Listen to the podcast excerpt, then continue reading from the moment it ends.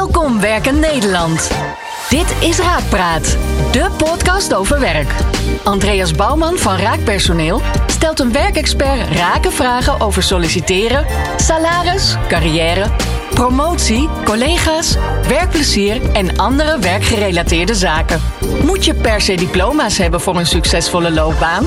Hoe voorkom je een burn-out? Is inclusiviteit een hype? Leg je werk even neer. Het is tijd voor Raakpraat. Vandaag spreek ik met Robin Visser. Robin is mijn collega en talentmanager bij Raakpersoneel. Robin heeft net als ik een marketingachtergrond, maar hij is op een gegeven moment de recruitment ingerold. Gestart bij Young Capital en nu alweer twee jaar werkzaam bij Raakpersoneel. Het onderwerp van vandaag, vitaliteit. Daar gaan we het straks over hebben. Maar eerst stel ik Robin de vraag die ik al mijn gasten stel. Robin, toen jij vroeger op school zat, uh, wat wilde jij toen worden? Ik uh, heb, uh, zoals veel jongetjes, altijd de droom gehad om profvoetballer te worden. Tegelijkertijd ook proftennisser en profsnowboarder. Oké, okay. ja, ik, ik wilde ook profvoetballer worden terwijl ik niet op voetbal zat. Dus ja, daar was, werd ik al vrij snel duidelijk van, nou, dat gaat hem niet worden. Proftennisser heb ik iets langer in geloofd. Hoe lang heb jij die dromen gehad? Nou, totdat ik wel het besef had, ik kan een prima potje tennis en voetballen.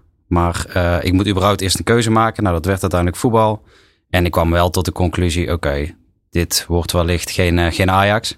Nee. Maar misschien wel op een leuk niveau uh, vol te houden. Waar ik wellicht een centje aan kan verdienen. En dat is bijna gelukt, helaas niet helemaal. Nee, want op een gegeven moment, op welke leeftijd nou, had je door dat dat hem niet ging worden, betaald voetbal? Toen ik 17 was. Ja. ja. Waar wij nu een kantoor ook in gevestigd hebben. In het RBC-stadion heb ik uh, tot uh, mijn zeventiende heb ik uh, bij, bij RBC Roosendaal ook gespeeld. Ik kom zelf uit Tilburg. Ja. Maar ik heb twee jaar mogen spelen bij RBC Roosendaal. Helaas tot aan het eerste, zeg maar, mm -hmm. jong RBC. Helaas moeten constateren dat ik het niveau niet aankon. Ja. En, ja, dat was het besef van, hey, dit gaat niet meer lukken. gewoon lekker op, op een leuk amateurniveau verder. Maar voetbal is volgens mij wel altijd een passie voor je gebleven. Absoluut. Ja. ja zeker weten. Ga je nog vaak naar het stadion?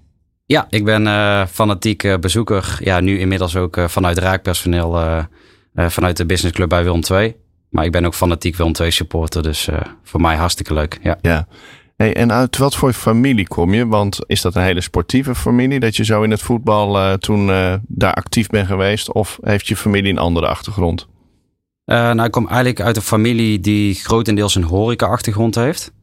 Toen ik het besef had, nou, profvoetballer gaat het waarschijnlijk niet worden, uh, heb ik ook altijd wel de ambitie uitgesproken, of in ieder geval in mijn hoofd gehad, om een eigen horecazaak te starten. Ja. mijn vader was altijd al een goede 30 jaar actief in de, in de horecawereld in Tilburg. En dat heb ik wel altijd gezien als iets heel erg moois.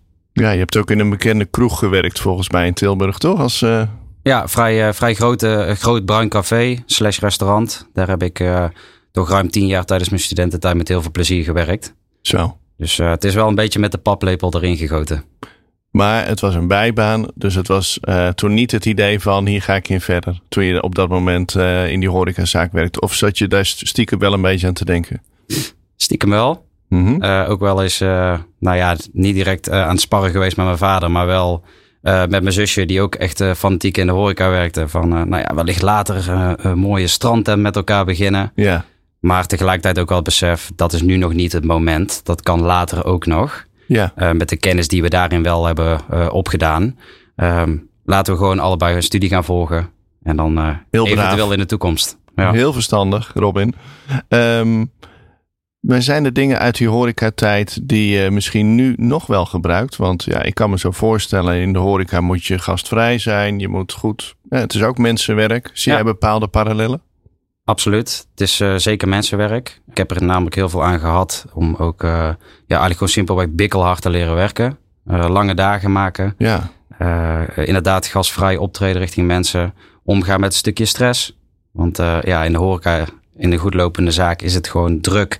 En heb je te maken af en toe met situaties uh, waar je niet direct aan gewend bent. Piekmomenten ook, denk ja, ik. Ja. ja, ja, grote evenementen. En uh, ja, dan loopt het niet altijd zoals uh, je had voorzien. En daar leer je superveel van. Dus ja, hartstikke, hartstikke leerzaam. Hey, en wat voor studie ben je, deed je daarnaast? Um, ik zat op de Speco in, in Tilburg. Mm -hmm. Op Fontes Hogeschool. Dat is eigenlijk sport, economie en communicatie.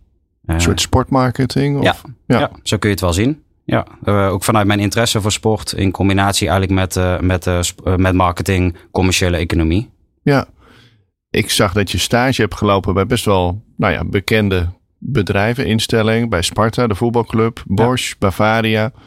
Mooie bedrijven om stage te lopen, denk ik. Zeker. Kreeg je toen nog goed kijken in de keuken? Waar zijn er dingen waarvan, hè, die je nu nog gebruikt of die, die opvallend waren uit, uit je stageperiode? Mm, nou ja, elke stage duurde denk ik een maand of zes. Uh, mm -hmm. Ik heb bewust gekozen om in verschillende branches te kijken. Uh, nou, uiteraard de voetbalwereld hè, die mijn interesse had.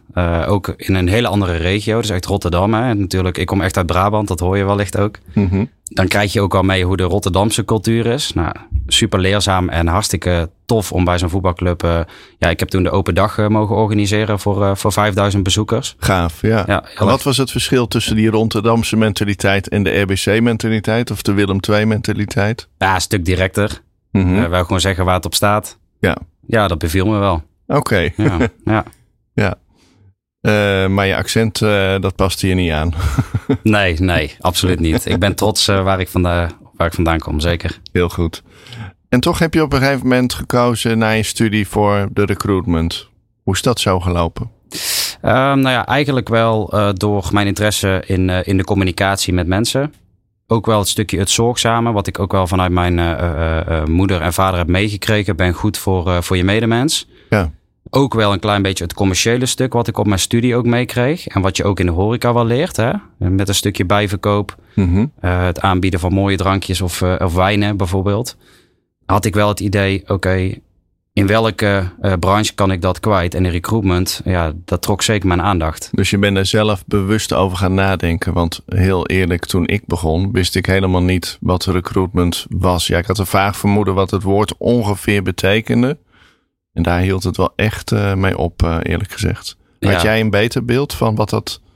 Niet direct, niet direct. Het heeft ook even geduurd voordat ik daarachter kwam. Ik ben nog drie maanden gaan reizen. Gaan backpacken in mijn eentje door, door Azië. Dan ben je ook veel aan het nadenken. Ja. Daarnaast heb ik wat werkervaring opgedaan bij een reclamebureau. Bij, bij Schepens in Tilburg. Erg mooi, mooi bedrijf. Waarbij je ook proeft van, van dat vak. in projectmanagement was dat. Ik heb twee jaar bij Coolblue gewerkt. Mm -hmm. daarbij ook gekeken hoe gaat het bij een groot bedrijf. Um, hoe staan zij in een stukje service richting hun klanten? En wat heb je daar geleerd? Want die ja, leven hun kernwaarde natuurlijk helemaal uit. Dat vind ik altijd, marketeer vind ik het in ieder geval gaaf hoe ze dat helemaal doorvoeren in alle facetten. Ja, dat is geweldig om mee te maken. En om te zien ook uh, als je daar in huis werkt, zeg maar, hoe ze daarmee omgaan en ook het, het ook waarmaken, absoluut. En wat was jouw stukje binnen Coolblue? Uh, dat was een stukje service op, uh, optimalisatie. Mm -hmm. van de retourenafdeling. Dus ja, echt een heel groot stuk heeft dat te maken met natuurlijk ja. Ja klantgerichtheid. en hoe ga je om met eventuele klachten, maar ook de retourprocedure. Ja, want volgens mij, als ik het goed heb, willen zij zelfs in dat facet willen ze dan alles doen voor een glimlach en zorgen dat ook die retourprocedure, nou ja, feestje wordt is misschien wat veel, maar dat dat, dat zelfs ja, met plezier gedaan wordt. Klopt sowieso intern werd dat met plezier gedaan. Niet altijd, want de hoeveelheid retouren die was echt immens. Ja. Omdat ze ook gewoon steeds meer klanten natuurlijk uh, binnen uh, haalden. Uh, echt bizar hoeveel retouren daar terugkwamen. Dus wij zaten er ook wel eens zonder glimlach. Ja. Maar hoe ze het vervolgens richting de, de klant weer terugbrachten en ook de snelheid waarmee dat gebeurde. Ja, dat is gewoon top. Het is wel een beetje dubbel, denk ik, hè, bij die retouren. Want ik denk dat zo'n webwinkel, die wil natuurlijk eigenlijk zo liefst zo min mogelijk retouren. Dus hoe makkelijker en leuker je het maakt, ja, hoe meer je wel retour krijgt. Absoluut, absoluut. Uh, daar werd ook zeker over nagedacht. Hoe kunnen we zorgen voor minder retouren? Maar tegelijkertijd willen ze ook wel weer hun klanten de mogelijkheid bieden om simpelweg meerdere producten te laten bestellen. Ja. Soms ook in meerdere maten.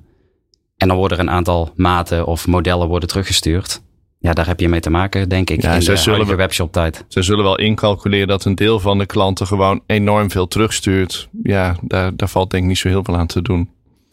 Jij hebt op, op een gegeven moment heb je dus gekozen voor die recruitment. Uh, dat was een bewuste keuze en toen ben je terechtgekomen bij Young Capital, als ik het goed heb. Klopt, bij Young Capital uh, in Den Bosch. Heel toevallig, uh, mijn lieftallige zus Rowan, die werkte al bij Young Capital in Tilburg. Die tipte mij al wel eens van, Robin, in Den Bosch zoeken ze nog een collega. Niet bij mij op kantoor, want dat gaat niet samen. We vinden elkaar heel erg aardig, maar niet bij elkaar op kantoor. Want ze hebben een aantal grote vestigingen, of, hè, geloof ik, over het land verspreid. Ja, klopt. Hoofdkantoor in Hoofddorp, en uh, ja, een beetje zoals Raak, uh, hoe wij in het zuiden en Zuid-Holland zitten, hebben zij dat eigenlijk verspreid over heel Nederland. Ja, maar echt wat grotere kantoren in grote plaatsen. Ja, klopt. Ja, ja, klopt. Ja. En daar kwam ik in uh, Den Bosch terecht, in een heel, heel gaaf team, vol in ontwikkeling. Young Capital was toen ook nog echt, echt groeiende. mooie klanten. Essent, Vodafone Ziggo en KPN waren onder andere klanten waar ik voor werkte. Ja, super, super leren. ja, voor mijn leer, leergierigheid uh, ja, kwam ik in een warm bad terecht. Ja, want je moest het vak wel een beetje leren. Of een beetje zeg ik. Misschien moest je het wel helemaal leren. Want bij Coolblue had je natuurlijk niets gedaan uh, over recruitment. In je studie ook niet. Je stages denk ik ook niet. Dus dat was helemaal nieuw voor je. Ja, klopt. Ik had gelukkig wel een flinke mensenkennis, zoals we dat wel eens noemen, opgedaan door de, de tijd in de horeca. En ook de werkervaring die ik al had daarna. Uh, maar echt het recruitmentvak, de wetgeving, et cetera, dat moest ik allemaal nog leren. Nou, Hebben ze daar een intern programma voor? Ja, eigenlijk een eigen academy. Mm Zoals we dat bij Raken nu ook kennen. Ja. Uh, dus daarin word je goed begeleid. En uh, ja, binnen een aantal maanden was ik wel ready om mijn eigen pad uit te stippelen. En dat heb je een aantal jaar heb je daar gewerkt volgens mij? Ja, klopt. een goede vier jaar. Waarbij ik ja, echt met heel veel plezier mijn werk heb mogen uitvoeren. Alleen op een gegeven moment merkte ik wel een klein stukje diepgang in mijn werk. Met name het verder, echt verder helpen van mensen. Maar toen kwam raak om te kijken. Was je primair uh, bij Young Capital met uh, klanten of met kandidaten bezig? Beide. Ik uh, zorgde eigenlijk voor, voor de large accounts, mm -hmm. met name Essent.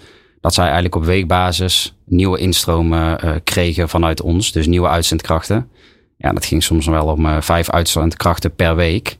Ja. Dus ja, tel dat maar uit per jaar hoeveel nieuwe uitzendkrachten er dan instromen en wat je daarvoor moet doen. En uh, dat nou. werd voor mij op een gegeven moment een klein beetje eentonig.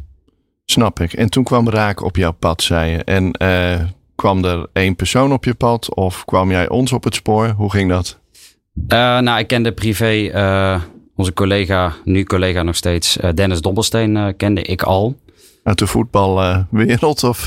Nee, eigenlijk via onze vriendinnen. Oké. Okay. zij waren al bevriend met elkaar um, sprak hij altijd het vol lof over raak. Nou, ik zat goed op mijn plek bij Young Capital. Uh, hij zei van, kom nou een keer bij ons op gesprek. Uh, er staat toffe vacature open. Nou, uiteindelijk uh, heb ik toch naar die VIA Young Capital voor gekozen om op gesprek te gaan voor een functie als senior consultant. Hartstikke tof gesprek gehad met op dat moment Saskia en Michelle Davidsen. Mm uiteindelijk kwamen we al wel vrij snel tot de conclusie: deze functie uh, is niet helemaal passend voor jou. Uh, daar raak je wellicht uh, nou, niet verveeld, maar misschien niet helemaal meer uitgedaagd na verloop van tijd. Nee, het is hetzelfde, misschien net een ietsje hoger niveau, maar eigenlijk komt het werk natuurlijk wel in wezen op hetzelfde neer. Of je nou, ja. Ja, precies. Nou, ja, ik werkte ook als senior consultant al bij Young Capital. Okay. Dus inderdaad zou dat een beetje het, van hetzelfde zijn. Um, alleen, toen was er ook al een hele mooie afdeling die nu Raak Talent heet.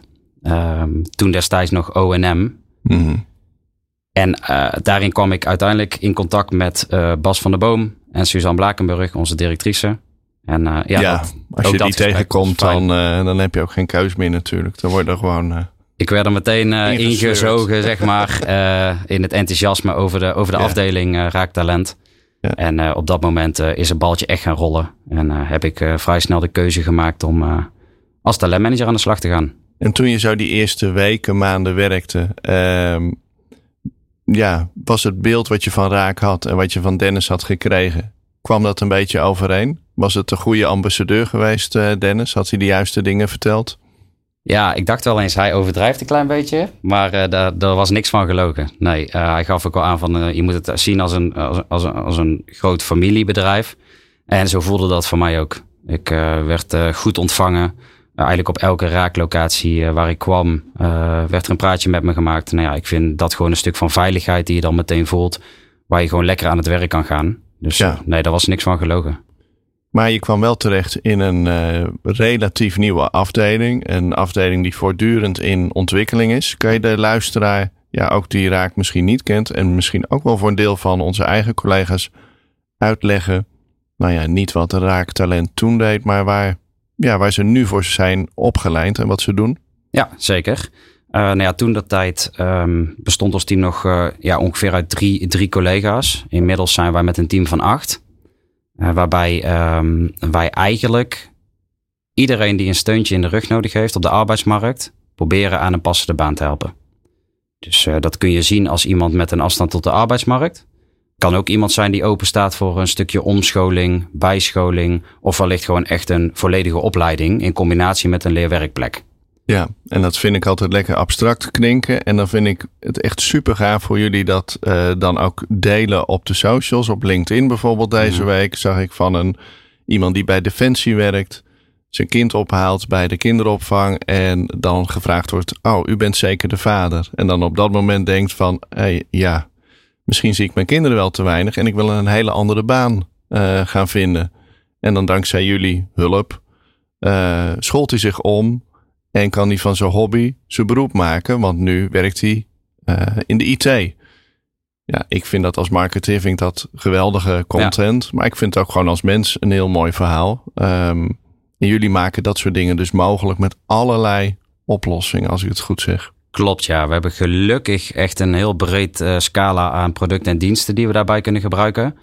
Maar ook uh, samenwerkingen. Want als talentmanager werk je heel veel samen met stakeholders. En onder stakeholders verstaan wij uh, gemeente, UWV. Mm -hmm. Want vanuit hen krijgen wij ook cv's door. Eigenlijk gewoon profielen. Die zij in de uitkering hebben zitten. Dus uitkeringsgerechtigden. proberen we aan de baan te helpen. dus daar hebben wij heel nauw contact mee. We werken heel nauw samen met de raakvestigingen. Dus met consultants en vestigingsmanagers uh, om uiteindelijk gezamenlijk tot echt de beste match voor die persoon te komen. Dus eigenlijk is elke uh, persoon die op ons pad komt, is eigenlijk maatwerk. Ja, het is elke keer maatwerk. Het kan van een Oekraïense vluchteling zijn die nog helemaal geen Nederlands spreekt uh, en misschien gebrekkig Engels.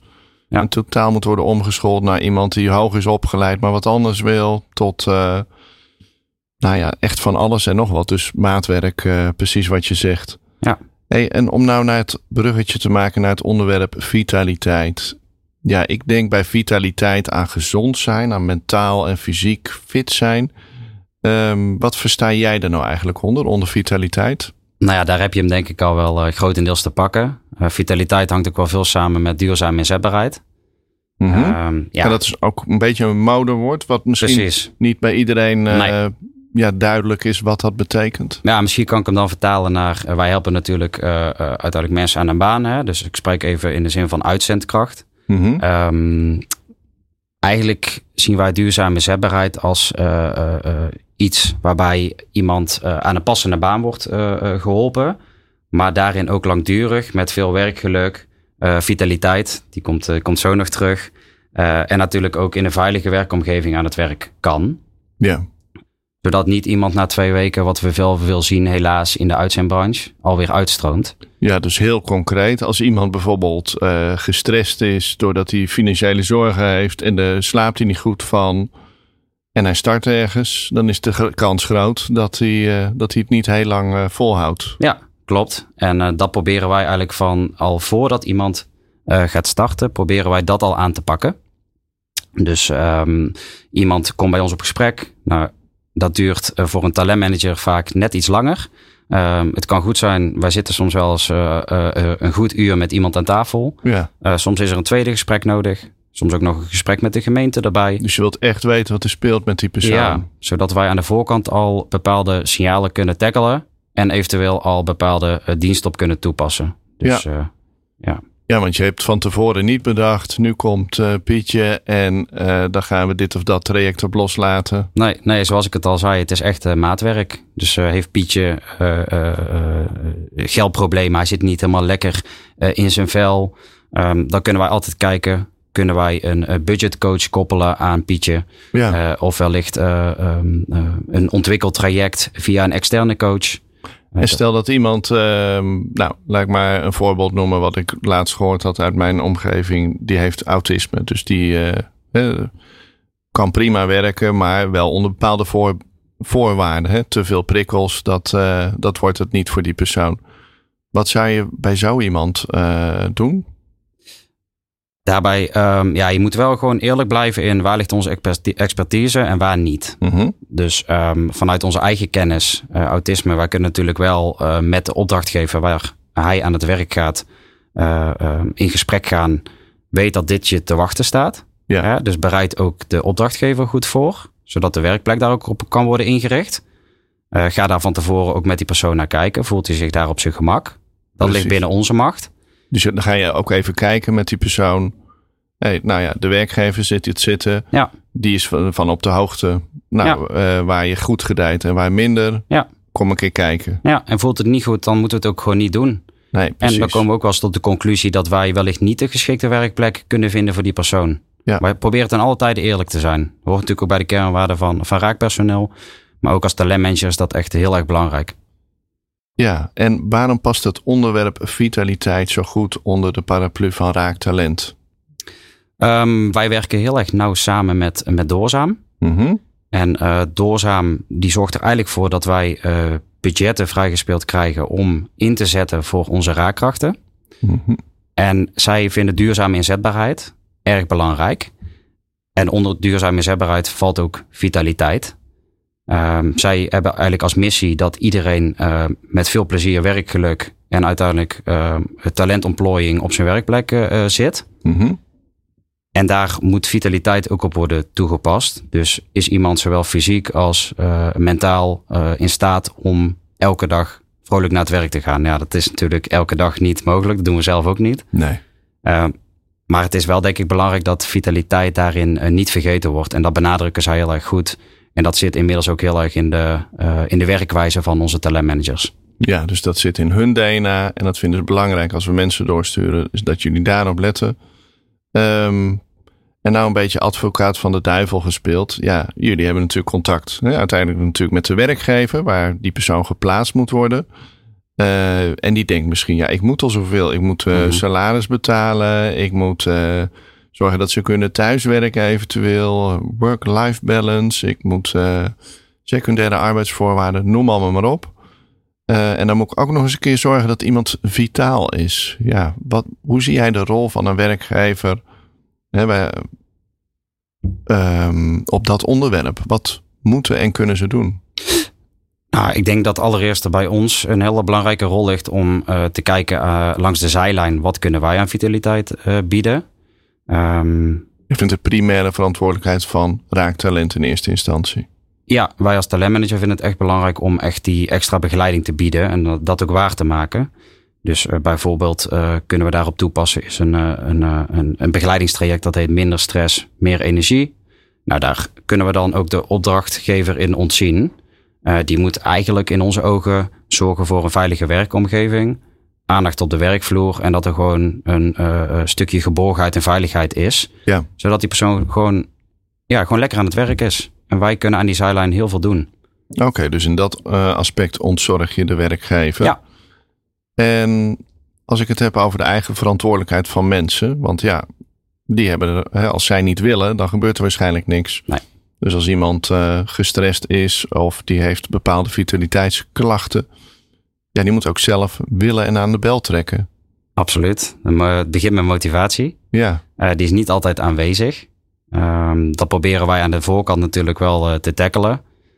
Om echt wel naar voren te halen, is die persoon ook echt daadwerkelijk gemotiveerd om aan het werk te gaan überhaupt? Ja, want je gaat niet zoals ik wel eens een keer in een documentaire heb gezien van bepaalde coaches uit de gemeente Amsterdam s ochtends aanbellen en uh, bepaalde jongens uit hun bed sleuren en meenemen naar het werk. Nee, dat niet. Alleen uh, wij zijn wel bereid om een stapje verder te gaan. En uh, daar zijn ook wel leuke voorbeelden in te noemen van de afgelopen jaren. Kan je er één noemen zonder uh, heel specifiek? Zeker, ja. Ik heb een keer een jongen om, om zes uur s ochtends opgehaald in, in, in Bokstol. Om vervolgens in Tilburg een heftruckcursus te kunnen volgen. Oké. Okay. Omdat hij het anders qua vervoer niet geregeld kreeg. Uh, had uh, Mooi. helaas geen ouders meer. En uh, vanuit daar heb ik hem toch opgehaald om zes uur s ochtends, midden in de winter, om hem op de werkplekken te krijgen. Of in dit geval de, de cursuslocatie. Maar ja, jij zei wel, hij heeft, die jongen had wel de motivatie. Ja, hij, precies. Hij wou het graag, Ja. jij zag dat in hem en je denkt van nou, Ja. dan ga ik gewoon om zes uur in Bokstol hem ophalen. Ja, Ja, en dan begint het met motivatie. Wij zien dat. En dan willen we ook echt dat stapje extra zetten voor, voor die persoon. Ja, mooi. Hey, in de ideale werkwereld, welke rol speelt vitaliteit dan op de werkvloer? In de ideale werkwereld. Ja, um, dus... Nou ja, je ziet veel bedrijven natuurlijk ook al wel vitaliteit uh, als een hot topic hebben. Er zijn allerlei vitaliteitsprogramma's. In de, hoofd, in de ja. hoofdkantoren zie je al gauw bijvoorbeeld een, uh, een, een gym. Ja. Hè, dat iemand voor of na het werk, of misschien wel tijdens de pauze, een, uh, een rondje door de gym kan, uh, kan lopen en wat uh, gewicht heffen of misschien wat cardio kan, kan, kan doen. Wat vind jij daarvan? Zie jij goede voorbeelden? Hè, dat mag totaal in het buitenland of in een bepaalde bedrijven zijn die dat echt heel goed doen. Wat je denkt van nou, dat is inspirerend. Dat zouden er meer moeten doen. Uh, zeker. Nou ja, ik was uh, onlangs bij. Um, het, het, is overigens geen opdrachtgever van ons. Dat is uh, de John Berends webshop. Mm -hmm. um, zijn gevestigd in Goorlen. Zij hebben een, een sportschool in hun hoofdkantoor zitten. En daar zie je eigenlijk veelvuldig bijna elke werknemer voor aanvang van de, van de werkdag een half uurtje sporten. en ik weet niet of het daardoor komt. Maar toen ik daar te gast was, toen merkte ik wel van zo, iedereen zit hier met een glimlach achter zijn computer. Uh, straalt energie uit. Ja. Volgens mij doen jullie het ook één keer in de week, toch? Of is dat alweer sporten, gezamenlijk met raaktalent? Ja, klopt. Wij hebben ons kantoor gevestigd in Rijen. En schuin tegenover ons kantoor zit de sportschool. En wij zijn daar elke maandagochtend om oh, 8 uur te, te, vinden om de week af te trappen.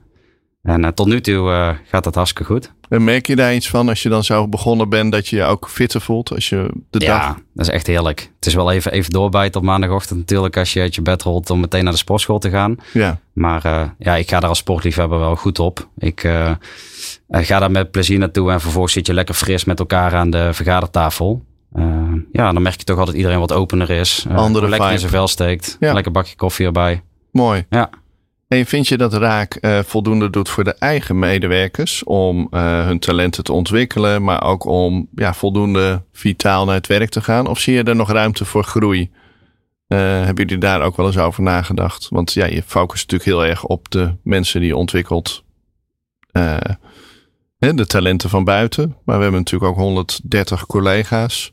Um, denken jullie daar wel eens over na? nou, als je het hebt over talentontwikkeling, uh, we hebben natuurlijk onze eigen Raak Academy. Ja. ja. Dus je kunt jezelf verder ontwikkelen. Ja, het is een uh, beetje een dubbele vraag. Ik, ik, bedoel eigenlijk meer het, het stukje vitaliteit. Uh, van ja, zou dat nog beter kunnen, raakbreed gezien?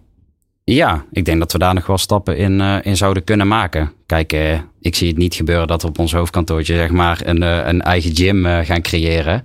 Um, maar zoals wij het nu met Raaktalent doen, dat is Ja. denk ik wel een mooi voorbeeld van ook een stukje vitaliteit.